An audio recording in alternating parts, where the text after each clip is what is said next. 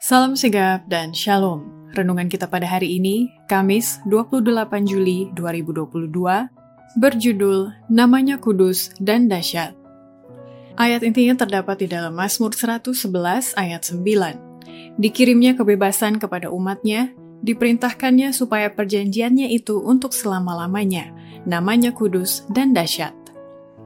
Pena Inspirasi menuliskan yang dimaksud dengan judul renungan kita pagi ini, namanya kudus dan dahsyat, dikarenakan dia akan memanggil, aku akan menjawab, supaya kita mengalami kasih Allah yang tiada bandingnya itu, dan kemudian dengan penuh keberanian datang menghampiri tahta kasih karunia Allah adalah sebagai berikut. Pertama, bukti bahwa kita telah mengakui namanya kudus dan dahsyat bila mana kita melakukan pengorbanan diri yang praktis demi kebaikan orang lain kepada sesama. Banyak yang mengakui namanya, namun telah kehilangan pandangan tentang fakta bahwa orang-orang Kristen mewakili Kristus.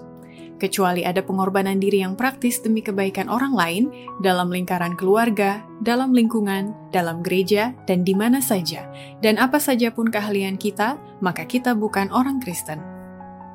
Kedua, bukti bahwa kita telah mengakui namanya kudus dan dahsyat bila mana kita menyadari bahwa kuasa Allah senantiasa menyertai kita pada saat memberitakan Injil kepada semua orang.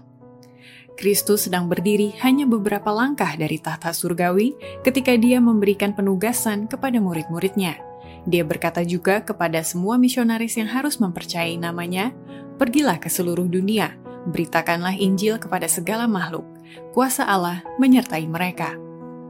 Ketiga, bukti bahwa kita telah mengakui namanya kudus dan dahsyat bila mana kita menemukan kebahagiaan diri sendiri dalam kebahagiaan orang-orang yang kita tolong dan berkati demi kemuliaan bagi nama Tuhan Yesus. Gereja Allah adalah istana kehidupan yang suci, penuh dengan pelbagai pemberian dan diberkati dengan roh kudus para anggota jemaat menemukan kebahagiaannya dalam kebahagiaan orang-orang yang mereka tolong dan berkati. Ajaib pekerjaan yang direncanakan Tuhan untuk dilakukan melalui gerejanya agar namanya dimuliakan. Keempat, bukti bahwa kita telah mengakui namanya kudus dan dahsyat bila mana kita membangun iman kita di atas batu karang Yesus Kristus dan memperindah hidup ini dengan pekerjaan yang baik dengan menjadi kaleb-kaleb modern pada saat ini. Yesus menginginkan agar semua yang mengakui namanya menjadi pekerja yang sungguh-sungguh. Setiap anggota perlu dibangun di atas batu karang Yesus Kristus. Badai akan datang untuk mengombang-ambingkan dan menguji fondasi kerohanian setiap orang dengan kerasnya. Karena itu, hindarilah fondasi pasir, carilah batu karang, galilah dalam-dalam, dan letakkanlah fondasimu dengan kokoh.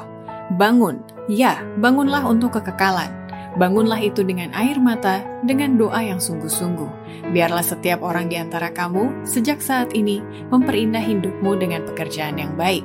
Yang diperlukan pada akhir zaman ini ialah kaleb-kaleb modern. Demikianlah renungan kita pada hari ini. Kiranya Tuhan memberkati kita semua.